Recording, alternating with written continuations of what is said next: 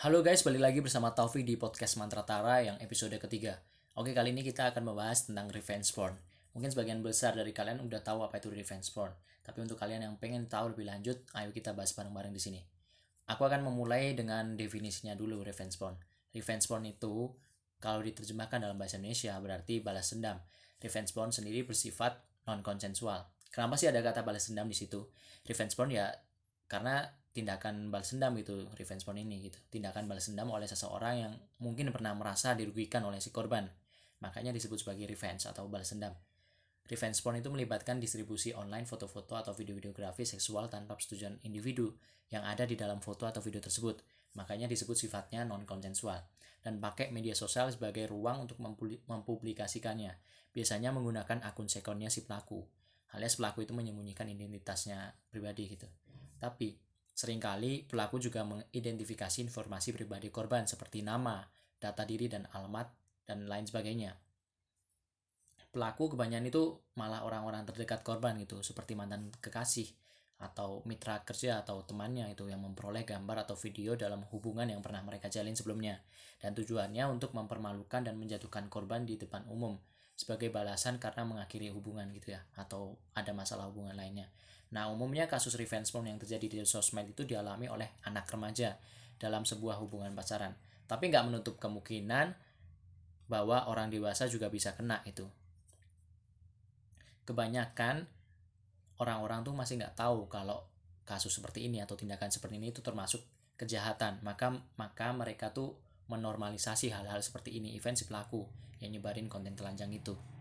Di sini ada empat kata kunci yaitu pertama hubungan, balas dendam, konten pornografi, dan non-konsensual.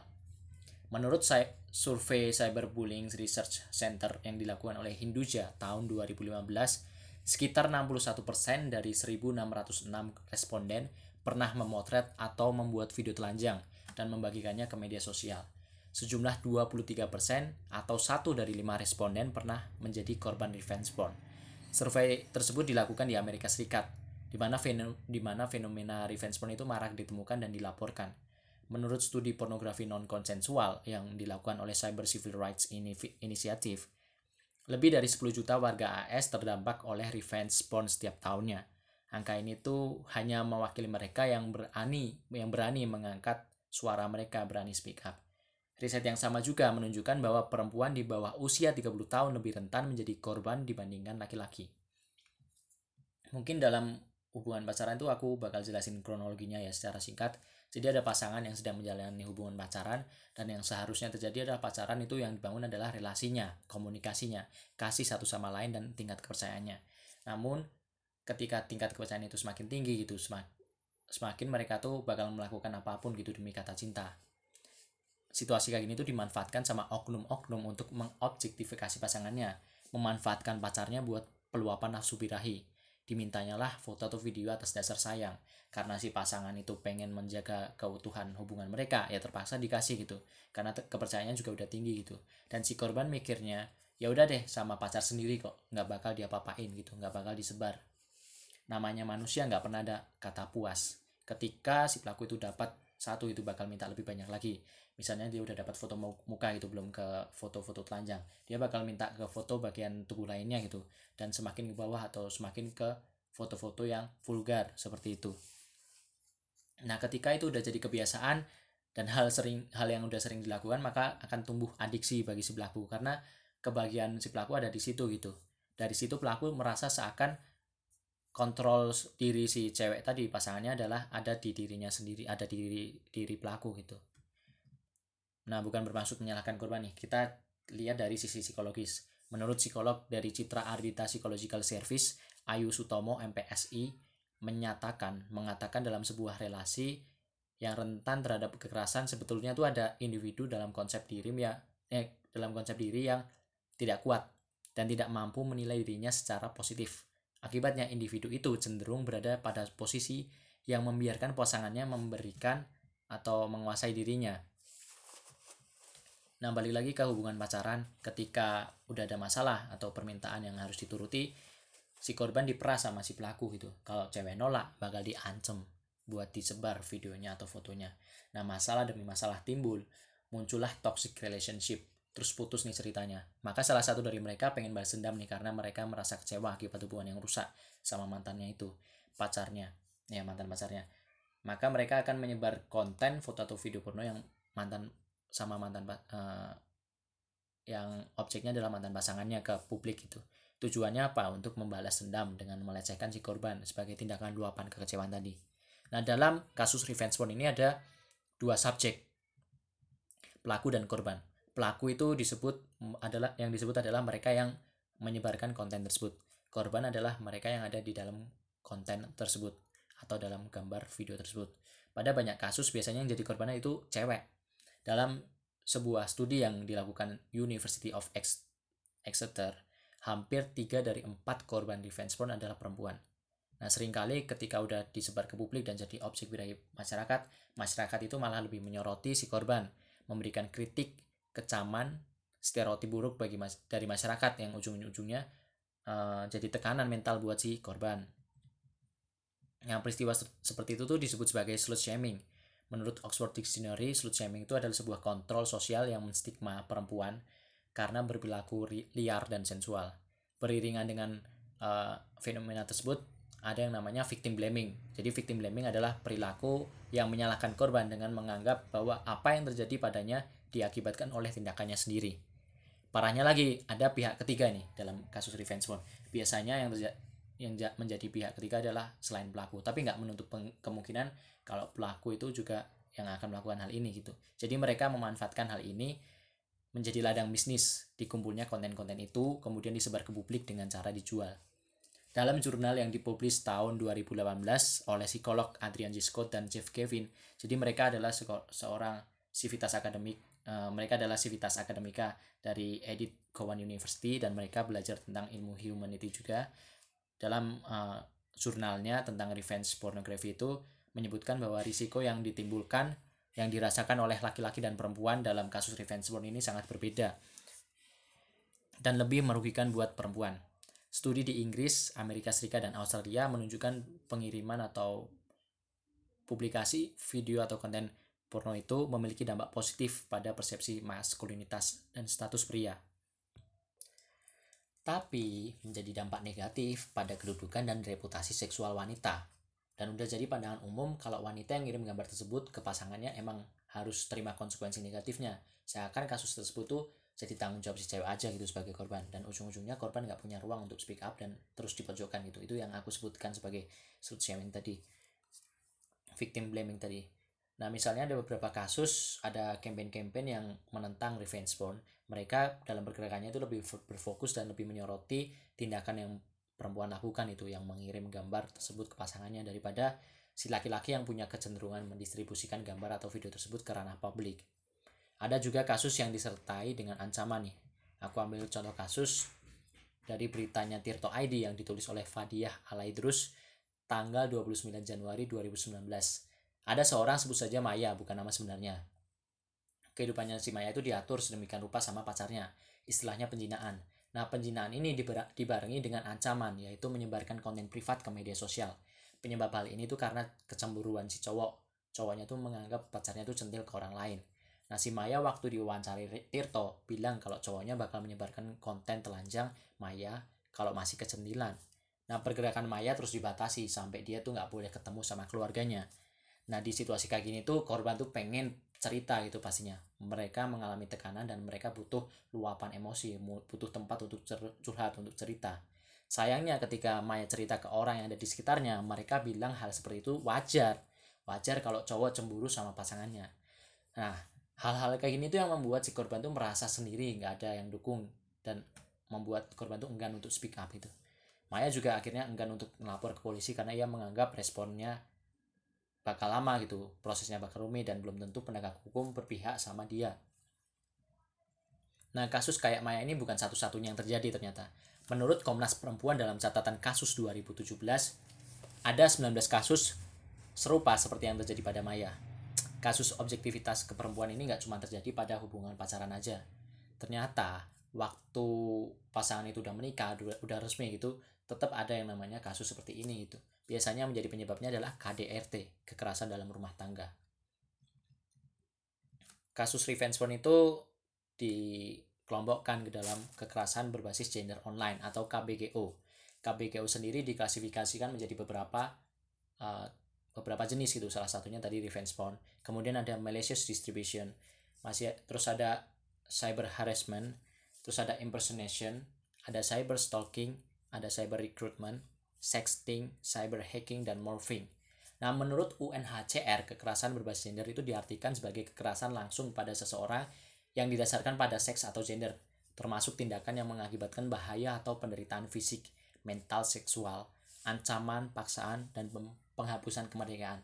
Nah, karena kita udah masuk ke dunia online, jadi kekerasan berbasis gender ini juga ada juga beralih ke dunia online gitu. Yang tidak menghilangkan tindakan-tindakan atau akibat-akibat yang menyertainya gitu. Nah, komuni, komu, komunisi nas, Komisi Nasional Anti Kekerasan pada Perempuan atau Komnas Perempuan itu punya terminologinya sendiri terhadap kasus KBG di dunia maya dengan istilah kekerasan terhadap perempuan berbasis cyber atau KTP yakni kejahatan cyber dengan korban perempuan yang sering kali berhubungan dengan tubuh perempuan yang dijadikan objek pornografi. Salah satu bentuk kejahatan yang sering dilaporkan adalah penyebaran foto atau video porno pribadi di media sosial atau website pornografi. Nah, semakin berkembangnya teknologi, masyarakat lebih mudah akses ke internet, terus sosmed juga semakin bebas. Kasus KBGO ini terus meningkat. Menurut data Komnas Perempuan, tahun 2016 itu ada 5 kasus. Tahun 2017 menaik sebesar 92,3 persen. Menjadi sebanyak 65 kasus. Tahun 2018 naik lagi menjadi 97 kasus. Nah, fenomena ini bisa disebut sebagai fenomena gunung es. Sebenarnya masih banyak lagi kasus yang disimpan begitu aja sama korban gitu dan belum terungkap. Nah, seperti yang aku sebutkan tadi, tahun 2018 ada 97 kasus. Dalam 97 97 kasus itu paling banyak yang terjadi adalah kasus revenge porn. 33% dengan jumlah 41 dari total 97. Pelakunya 61% di antaranya adalah pacar mantan pacar, suami, dan mantan suami. Jadi kebanyakan orang-orang terdekatnya aja. Nah di masa pandemi atau karantina ini masyarakat kan nggak ngapa-ngapain tuh aktivitas di luar juga menurun gitu. Terus karena nggak ngapa-ngapain jadinya aktivitas penggunaan platform digital itu meningkat disertai dengan kebutuhan seksual yang meningkat juga. Bahkan di New York itu saat masa karantina tuh pemerintah memberikan kiat-kiat menghadapi COVID-19 selama di rumah aja. Salah satunya mengimbau masyarakat untuk bermasturbasi supaya masyarakat itu tidak melakukan hubungan seksual dengan orang lain biar nggak ketularan virus. Nah saat pandemi ini KBGU kan meningkat tuh termasuk revenge porn. Lembaga Bantuan Hukum Asosiasi Perempuan Indonesia untuk Keadilan atau LBH APIK mencatat adanya peningkatan aduan secara online kekerasan selama pandemi. Sejak tanggal 16 Maret sampai 16 April 2020, lembaga ini tuh menerima 30 laporan kasus KBGO. Bentuk KBGO yang dilaporkan kepada mereka berupa pelecehan seksual secara online, ancaman penyebaran konten intim dengan motif eksploitasi seksual hingga pemerasan. Dalam catatan tahunan Komnas Perempuan pada tahun 2020, kebanyakan laporan KBGO seputar video berkonten seksual yang melibatkan korban, yang dikirimkan secara konsensual olehnya dan disebarkan oleh pelaku. Sementara selama physical distancing diberlakukan, rata-rata laporan KBGO yang diterima Komnas Perempuan itu berupa kiriman gambar atau video penis atau onani via pesan langsung kepada korban di Instagram ataupun Twitter dari pelaku yang memakai akun palsu. Nah, itu itu sedikit insight dari tentang KPGO. Kita balik lagi ke revenge porn. Nah, ada beberapa hal dalam kasus revenge porn itu yang membuat ujung-ujung si ujung-ujungnya si korban itu terpaksa dipojokkan itu. Dia nggak berani membela haknya dan nggak berani ngomong ada beberapa hal yang mungkin menjadi faktor bagi korban untuk stay silent atau lebih tepatnya nggak berani speak up. Yang pertama nih, waktu dia berani speak up belum tentu ada yang peduli dengan dia. Terlebih lagi kalau si pelaku adalah orang yang terpandang dan punya kekuasaan di masyarakat. Ada beberapa kasus yang aku temuin di Twitter, yaitu ketika korban itu belum sampai speak up, itu sama lingkungannya udah ditolak duluan, sama keluarganya bahkan sampai diusir dari rumah. Hal ini tuh menunjukkan ternyata masalah revenge porn itu jadi aib gitu bagi pandangan masyarakat dan harus disingkirkan. Itu menurut pandangan mereka. Jadi balik lagi, kalau pelakunya adalah orang-orang yang punya kuasa, bisa saja dia memanfaatkan identitasnya, kedudukannya, kekuasaannya, ataupun kekayaannya untuk menjatuhkan balik si korban dengan membuat narasi palsu atau dengan dalil dalih pencemaran nama baik. Kenapa? Karena suaranya akan lebih didengar dan lebih punya tempat di masyarakat. Nah, korban yang ngerasa percuma buat speak up itu ya yang ada mereka malah diam aja gitu karena mereka merasa ya daripada diterusin bakal ngejatuhin dirinya lagi gitu.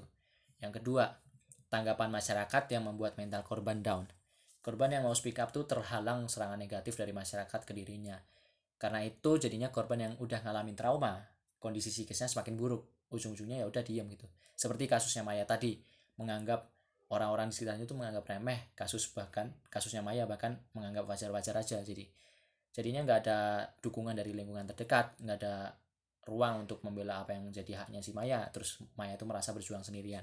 Padahal dalam keadaan psikis yang lagi down-downnya itu orang-orang itu rentan untuk terpapar post traumatic stress disorder mereka butuh tameng butuh support butuh booster yang selalu ngedukung dia karena kebanyakan korban tuh nggak bisa sendirian dalam menindaki kasus seperti ini. Yang ketiga, lingkungan hukum yang nggak mendukung. Nah, lingkungan hukum yang nggak mendukung ini menurutku adalah satu hal yang sangat penting nih dalam kasus kayak gini. Hukum di Indonesia itu masih belum bisa serius dalam menangani kasus yang kayak gini, apalagi efeknya yang nggak kelihatan, masih belum peka hukumnya. Seringkali kalau butuh bukti baru bisa diproses kalau si korban itu udah benar-benar mengalami kerugian atau terluka baru bisa diambil sebagai barang bukti secara nyata gitu.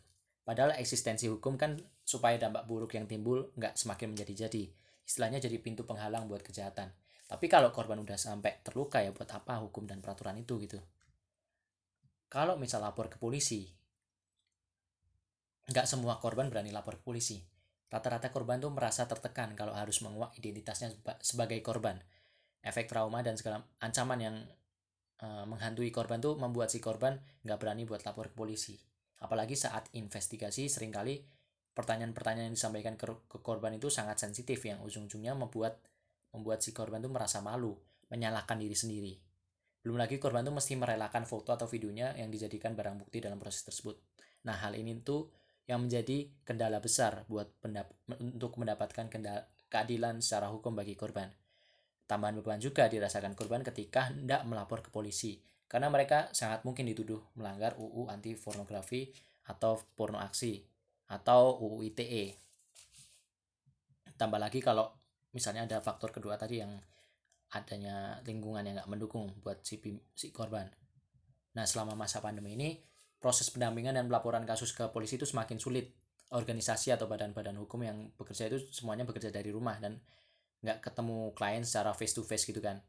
Nah untuk melapor polisi jadi tantangan tersendiri saat itu. Melapor polisi juga sulit gitu. Banyak kelayanan yang mau nggak mau harus dibatasi.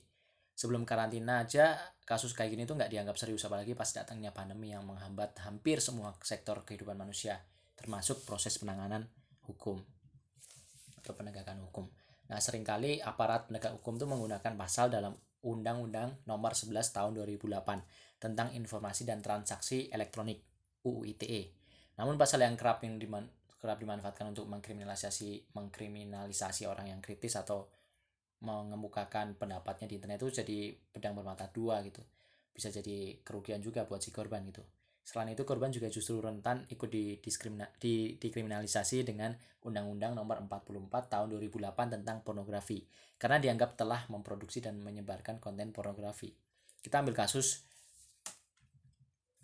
kita ambil kasus dari berita yang sempat mengemparkan Indonesia beberapa waktu lalu. Itu tentang pelecehan terhadap inisial BN. Jadi ceritanya BN itu mantan pegawai tata usaha SMA Negeri 7 Mataram NTB dia mengalami pelecehan seksual secara verbal oleh ex kepala sekolahnya, namanya Muslim. Nah, kasus itu dia rekam, tapi dia nggak dapat perlindungan hukum karena si korban malah yang diseret ke hukum karena dituding menyebarkan rekaman percakapan mesum muslim. Muslim itu nggak terima aibnya didengar banyak orang terus si muslim mengelapor, melaporkan BN dengan tuduhan pelanggaran pasal 27 ayat 1 UU ITE Nah atas tuduhan itu PN akhirnya diseret ke pengadilan. Tapi waktu di pengadilan dia dinyatakan nggak bersalah. Tapi jaksa penuntut, ada jaksa penuntut umum yang mengajukan kasasi gitu ya. Terus MA akhirnya menjatuhkan vonis bersalah kepada korban karena dianggap mendistribusikan informasi elektronik yang membuat yang memuat konten asusila. Tanggal 9 November 2018, PN akhirnya difonis 6 bulan bui plus denda 500 juta. Nah, hal kayak gini itu menunjukkan kalau hukum di Indonesia itu masih diskriminasi, masih diskriminatif gitu. Hukum sendiri kan merupakan produk budaya masyarakat yang berkembang seiring dengan perkembangan peradaban ya. Sedangkan budaya kita, budaya masyarakat kita itu masih diskriminatif terhadap gender atau boleh dibilang patriarki lah. Masih suka victim blaming, masih suka tebang pilih, berani menebang rumput, tapi mereka nggak berani menebang pohon besar itu. Hukum kan seharusnya menjamin kebebasan, keamanan, memberi perlindungan, memberikan jaminan kemerdekaan buat seluruh masyarakat. Konsep hukum yang kayak gitu tuh yang ideal tuh terhambat untuk menjadi ideal karena gara-gara pola pikir masyarakat yang masih nggak dewasa gitu yang akhirnya merugikan korban tapi malah menguntungkan buat pelaku. Nah penegakan hukum yang kayak gini yang masih nggak adil kayak gini itu melunturkan rasa percaya masyarakat sama pemerintah dan aparat penegak hukum. Masyarakat yang nggak percaya itu jadinya enggan untuk membawa kasusnya ke meja hukum oke yang selanjutnya yang keempat adalah tonic immobility oke jadi ketika orang-orang mengalami ketakutan secara ekstrim, maka tubuhnya punya mekanisme pertahanan diri, disebut tonic immobility, yaitu ketidakmampuan tubuh bergerak sampai ancaman berlalu. Tiba-tiba tubuhnya nge-freeze, matung, nggak bisa ngelawan. Nah, ini tuh disebut sebagai reaksi biologis gitu. Jadi kita nggak bisa ngatur, kita nggak bisa milih untuk nggak melakukan ini. Hal ini tuh yang menyebabkan kenapa kebanyakan korban nggak berani bertindak dan cenderung diam saat mereka mengalami kekerasan seksual. Tapi masalahnya adalah masyarakat tuh salah persepsi. Dikira korban yang nggak ngelawan itu juga menikmati. Padahal ada padahal karena adanya reaksi biologis ini gitu. Nah dalam kasus revenge porn itu korban yang mengalami ketakutan juga bakal ada freeze efeknya kayak gitu. Walaupun dalam kasus ini korban nggak ada sentuhan atau nggak ada kontak fisiknya sama pelaku gitu. Kebanyakan kasus yang terjadi di revenge porn itu para korban malah nangis gitu tiba-tiba. Karena mereka ketakutan dan nggak tahu harus berbuat apa gitu. Jadi tetap aja efek ke semacam tonic immobility ini immobility ini itu tetap bisa muncul dalam mental si korban apalagi ditambah ketakutan akan hal-hal buruk yang menyertainya seperti pikiran-pikiran gimana kalau keluarganya tuh nolak dia gitu.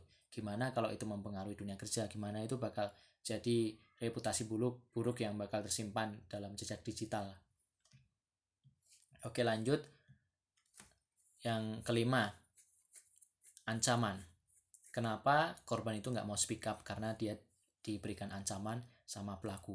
Korban diancam sama pelaku dengan tindakan-tindakan yang lebih berbahaya kalau berani speak up. Dan akhirnya korban lebih memilih diam daripada nanti semakin dia papain sama si pelaku gitu. Nah, apa sih dampak revenge porn itu? Nah, dampak revenge porn yang akan aku sebutin ini nggak cuma berlaku buat revenge porn sebenarnya, tapi bisa berlaku juga buat kasus kejahatan seksual jenis lainnya gitu. Aku ambil dari sebuah buku panduan, judulnya Memahami dan Menyikapi Kekerasan Berbasis Gender Online, disusun oleh SafeNet, Southeast Asia Freedom of Expression Network. Jadi itu ada sebuah fokus, eh sebuah lembaga yang fokus terhadap kejahatan cyber seperti itu. Yang pertama adalah kerugian psikologis. Ketika korban itu udah mengalami kasus gitu dan mendapatkan komentar-komentar negatif, itu mengakibatkan korban mengalami depresi, kecemasan, dan ketakutan ada juga titik tertentu di mana beberapa korban menyatakan pikirannya buat bunuh diri. Ya hal terakhir yang bisa dilakukan korban untuk mengakhiri musibah itu saking stresnya, saking depresinya nggak ada ruang buat istilahnya bernapas gitu ya. Nggak eh, tahu lagi solusi yang tepat, merasa nggak ada jalan keluar. Akhirnya mereka memilih untuk bunuh diri. Apalagi jika korban sudah menempuh jalur hukum namun tidak mendapatkan respon, positif. Data dari kampanye End Revenge Porn sebuah kampanye dari lembaga Cyber Civil Rights Initiative di AS menunjukkan bahwa 51% korban revenge porn itu berpikir untuk melakukan bunuh diri. Oke, kita ambil contoh kasus yang sempat menghebohkan dunia tahun 2019 tahun, la, tahun lalu. Ada seorang artis K-pop cewek inisial GH bunuh diri karena menjadi korban revenge porn. GH ini dilecehkan oleh mantan pacarnya yang setelah mereka putus mengancam akan menyebarkan video seks mereka. Mantan pacarnya merupakan penata rambut bernama Choi Jung Bum. Mengancam akan mengakhiri karirnya di dunia hiburan dengan membocorkan video tersebut. Di video itu juga ada uh, video itu juga ada kamera pengawas yang memberi, memperlihatkan GH berlutut memohon agar mantan pacarnya nggak melakukan itu. Setelah kejadian itu, Instagram korban dipenuhi oleh cacian atau komentar kebencian dari netizen mengenai tampilannya eh, mengenai penampilannya dan apa yang menjadi apa yang sedang terjadi apa yang sudah terjadi sama mantan pacarnya itu. Sampai akhirnya tubuh GH ditemukan dalam keadaan meninggal pada hari Minggu tanggal 24 November 2019 petang hari di rumahnya di Cheongdam salah satu daerah elit Seoul lah. Nah ada kasus lain juga nih yang sempat menggambarkan dunia juga. Dia uh, kasus ini terjadi pada tahun 2019 2012 dialami oleh remaja usianya masih 15 tahun itu waktu itu jadi si korban ini dia mencoba aplikasi chatroom semacam online dating itu saat video chat itu uh, berlangsung itu ada pelaku yang menyuruh korban untuk memperlihatkan bagian tubuhnya nah naas apa yang dilakukan si korban kemudian diabadikan dan dijadikan senjata balik untuk menyerangnya. Nah, video dan fotonya disebar oleh pelaku dan tetap beredar luas di dunia maya. Banyak orang kemudian membuli si korban. Akhirnya si korban itu menarik diri dari lingkungan keluarganya, dari lingkungan sosialnya. Kemudian dia menarik diri juga dari sekolah gitu dan dia minum minuman keras gitu sampai akhirnya si korban itu ditemukan tewas bunuh diri di rumahnya. Kemudian kerugian selanjutnya adalah kerugian ekonomi. Nah, kasus pelecehan seksual atau revenge porn ini akan selamanya jadi ingatan korban itu. Foto dan video juga akan selamanya ada di dunia maya gitu. Sejumlah korban yang berusaha uh, menghapus foto-foto tersebut itu hari-hari berikutnya juga pasti ada yang ngirim lagi itu, ada yang menyebarkan lagi gitu. Nah, ketika korban itu udah ganti identitas atau dia udah berganti kehidupan gitu ya istilahnya. Konten-konten itu tetap ada gitu di dunia di dunia maya gitu hal-hal kayak gitu tuh bisa mempengaruhi karirnya dalam bekerja atau pendidikannya gitu. Bisa aja mereka dipecat gitu. Atau kalau mau mendaftar sekolah bakal dipersulit atau mendaftar bekerja juga bakal di dicap negatif sama perusahaan yang berkaitan gitu. Nah, hal kayak gini tuh jadinya berpengaruh ke penghasilan si korban gitu. Akhirnya berdampak juga ke ekonomi si korban Selanjutnya adalah keterasingan sosial. Nah, pola pikir masyarakat yang masih suka victim blaming itu membuat lingkungan tempat korban bersosialisasi memandang rendah harga dan martabat si korban yang bersangkutan sehingga menyebabkan terburuknya reputasi dan kehormatan korban. Bisa juga keluar keluarganya juga disangkut pautkan itu. Korban jadi merasa nggak punya tempat di masyarakat jadi merasa asing itu. Selanjutnya adalah mobilitas terbatas. Korban yang udah mengalami tekanan mental dan tekanan sosial dari sekitarnya itu membuat para korban atau penyintas itu kehilangan kemampuan untuk bergerak bebas berpartisipasi dalam ruang online atau offline. Jadi dalam apa hak berekspresinya hak untuk hidup bebasnya itu dibatasi. Kemudian sensor diri. Nah, dikarenakan takut akan menjadi korban lebih lanjut dan karena hilangnya kepercayaan terhadap keamanan menggunakan teknologi digital, akhirnya korban ini menghapus dirinya dari internet hal kayak ini tuh bisa berimplikasi lebih lanjut di luar sensor diri gitu dan korban tuh mengalami putus akses ke informasi, layanan elektronik, dan komunikasi sosial atau profesional. Dampaknya bisa ke dunia kerja dan pendidikan karena nggak punya akses informasi. Oke, pertanyaannya apa yang harus kita lakukan? Misalnya kita adalah seorang korban atau kita adalah orang-orang yang ada di sekitar korban gitu untuk menangani, menangani dan mencegah revenge porn. Yang pertama, batasi informasi personal atau data diri di media sosial buat privasi. Kita bisa mencegah hal buruk ini terjadi itu dengan membati, membatasi informasi personal dari media sosial. Jangan terlalu sering mengumbar kehidupan sehari-hari atau bahkan data diri ke media sosial. Pisahkan akun pribadi kita dengan akun publik. Karena menggunakan beberapa akun untuk memisahkan hal-hal bersifat pribadi dan hal-hal yang bisa dibagi ke publik itu bisa jadi alternatif buat melindungi diri kita dari kejahatan dunia maya. Sesuaikan pengaturan privasi dengan level kenyamanan diri dalam berbagai dalam berbagi data pribadi gitu seperti nama, foto, nomor ponsel, lokasi, aplikasi dan aplikasi dan aplikasi-aplikasi yang kalian berikan akses atau akun media sosial yang kalian miliki gitu. Atur aja siapa aja yang bisa dapat akses data pribadi kalian gitu. Yang kedua adalah setting boundaries. Salah satu penyebab revenge porn, revenge porn adalah nggak adanya boundaries atau batasan dalam menjalin relasi dengan orang lain. Seseorang yang nggak menyeting batasan dengan orang lain itu cenderung melakukan segala sesuatu secara berlebihan demi pasangannya atas nama cinta tadi dan secara nggak sadar dia akan membuat seseorang tuh mengizinkan orang lain untuk pegang kontrol penuh terhadap tubuh si korban. Nah, kita Savitri Devi dalam dalam videonya yang pernah diunggah seminggu lalu di channel YouTube-nya bilang kalau batas, batasan atau boundaries adalah adalah limit untuk menandakan hal-hal mana yang acceptable dan tidak, apa yang bisa ditolerir dan tidak. Limit ini itu berlaku untuk diri sendiri maupun orang lain. Jadi setting boundaries itu menetapkan physical space, emotional space dan spiritual spiritual space buat diri kita sendiri. Dan dalam hubungan pernikahan aja masih ada kasus revenge porn apalagi dalam hubungan pacaran yang sifatnya masih belum ofisial. Sangat-sangat mungkin tindakan balas dendam itu ada gitu, apalagi dalam wujud revenge porn. Makanya untuk mencegah itu ada baiknya sebagai pasangan kalian tentukan batasan dalam berpacaran.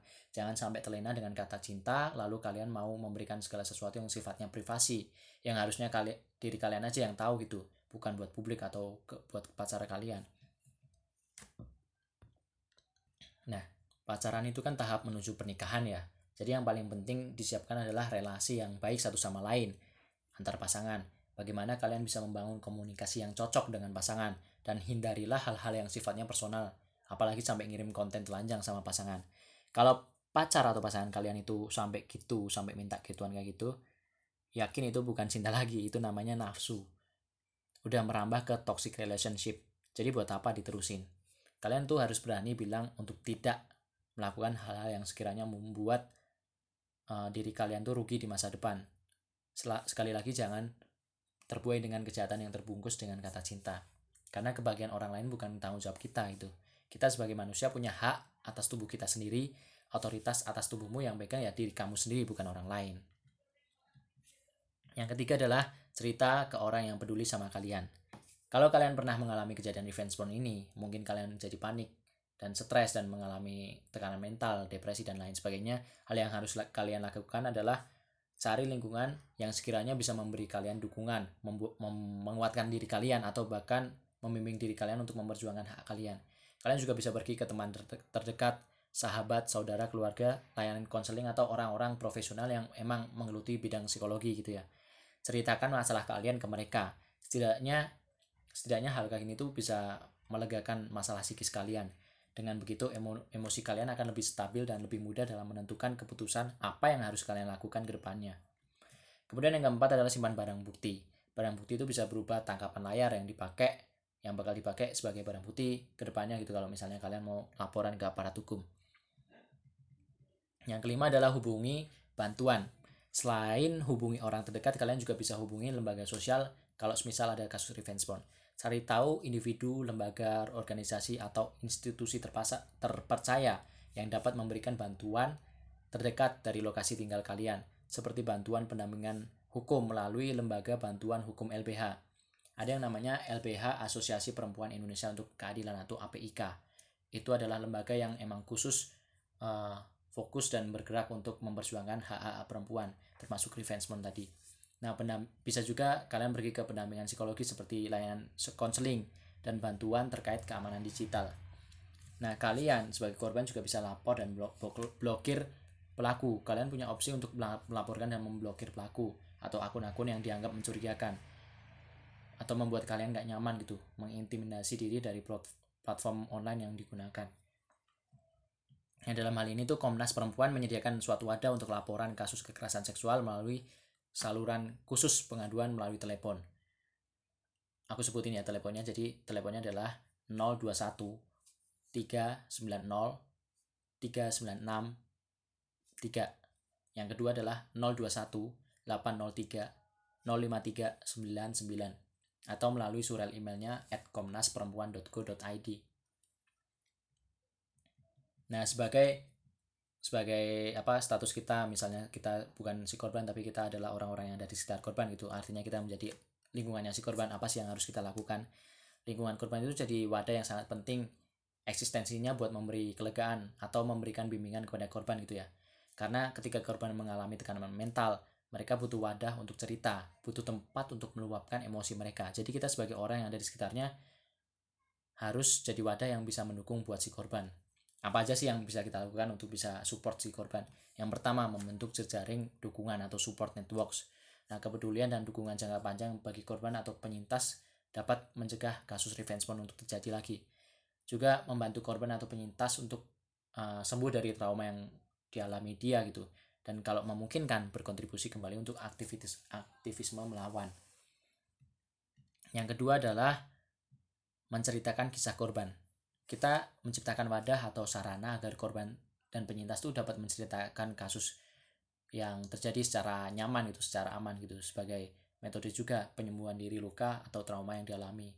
Nah, penceritaan kayak gini itu bisa dilakukan secara secara melalui format digital gitu seperti digital, digital storytelling atau teks, foto, video atau musik. Nah, yang ketiga adalah kampanye solidaritas.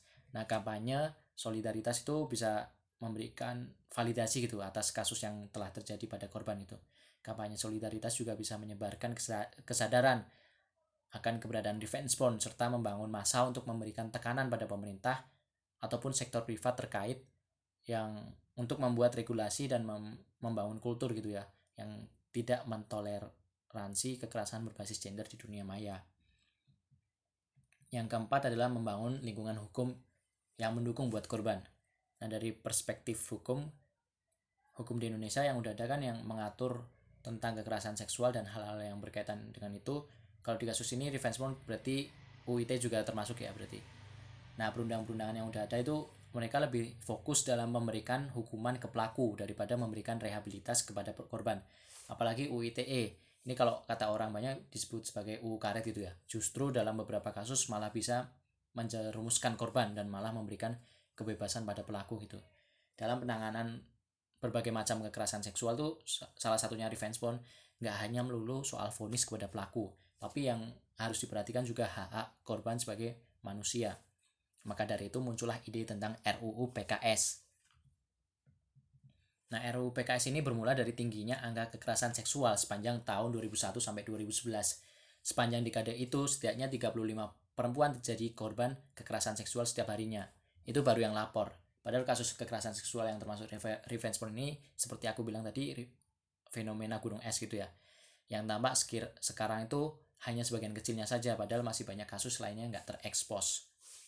Nah, setidaknya ada beberapa hal yang menjadi keunggulan RUU PKS ini sebagai payung hukum kekerasan seksual. Yang pertama, RUU PKS dapat menambal produk hukum yang sudah ada seperti KUHP yang hanya mencakup pemerkosaan dan pencabulan. Sedangkan di RUU PKS itu dia menguraikan definisi 9 jenis kekerasan seksual lainnya dan secara rinci lebih lengkap. Yang kedua, RUU PKS itu berpihak pada korban dan pemulihan hak-hak korban Pemulihan di sini meliputi fisik, psikologis, ekonomi, sosial, budaya, dan restitusi. RUU PKS juga merumuskan hak asas hak sas, saksi dan juga keluarga korban. Yang ketiga, terdapat larangan kriminalisasi korban, di mana korban itu nggak boleh jadi tersangka atau terdakwa atas perkara pidana pencemaran nama baik. Yang keempat, alat bukti yang ada di RUU PKS ini lebih lengkap daripada KUHP yaitu berupa keterangan korban, surat keterangan seksu, uh, psikologi, rekam medis, rekaman proses penyidikan, informasi elektronik, setiap data yang bisa dibaca dan didengar. Yang kelima, kewajiban menyediakan pendamping, pendamping kepada korban di setiap tingkat pemeriksaan. Yang keenam, merumuskan larangan sikap yang merendahkan korban eh, merumuskan larangan sikap yang merendahkan korban kepada penyidik, hakim, penasihat hukum. Oke, selanjutnya yang ketujuh. Korban bisa memberikan bukti melalui telekonferensi atau keterangan dalam bentuk rekaman audio visual kalau semisal korban itu nggak bisa hadir ke persidangan karena sedang mengalami depresi atau kegoncangan secara psikis. Nah, RUU PKS ini dianggap punya urgensi tinggi gitu. Sayangnya barusan kita tahu bahwa DPR mencabut RUU PKS dari prolegnas prioritas tahun ini, tahun 2020. Maka dari itu banyak masyarakat, lembaga sosial, aktivis yang nggak terima dengan keputusan tersebut mereka berusaha untuk mendesak DPR untuk segera mengesahkan RUU PKS. Nah, itu mungkin sekian aja yang bisa aku share kepada kalian tentang revenge porn. Semoga dengan adanya podcast ini tuh bisa lebih membuka wawasan dan mata teman-teman untuk lebih peka dengan isu kekerasan seksual apa pun bentuknya yang ada di sekitar kita. Nah, pesanku pribadi ini, kita sebagai manusia, ayo kita saling bantu bahu membahu gitu bantuin mereka yang jadi korban untuk mendapatkan hak mereka sebagai manusia yang punya kebebasan atas dirinya sendiri itu. Ada pepatah bilang kan my body my rule. Nah, selain itu buat teman-teman kalau punya energi lebih, ayo kita bareng-bareng kampanyekan suara hak-hak korban. Karena dengan bareng-bareng setiap masalah pasti bisa ditangani secara efektif dan efisien. Dan pasti menemukan jalan keluarnya. Oke, sekian dulu. Sampai jumpa di podcast selanjutnya. Salam.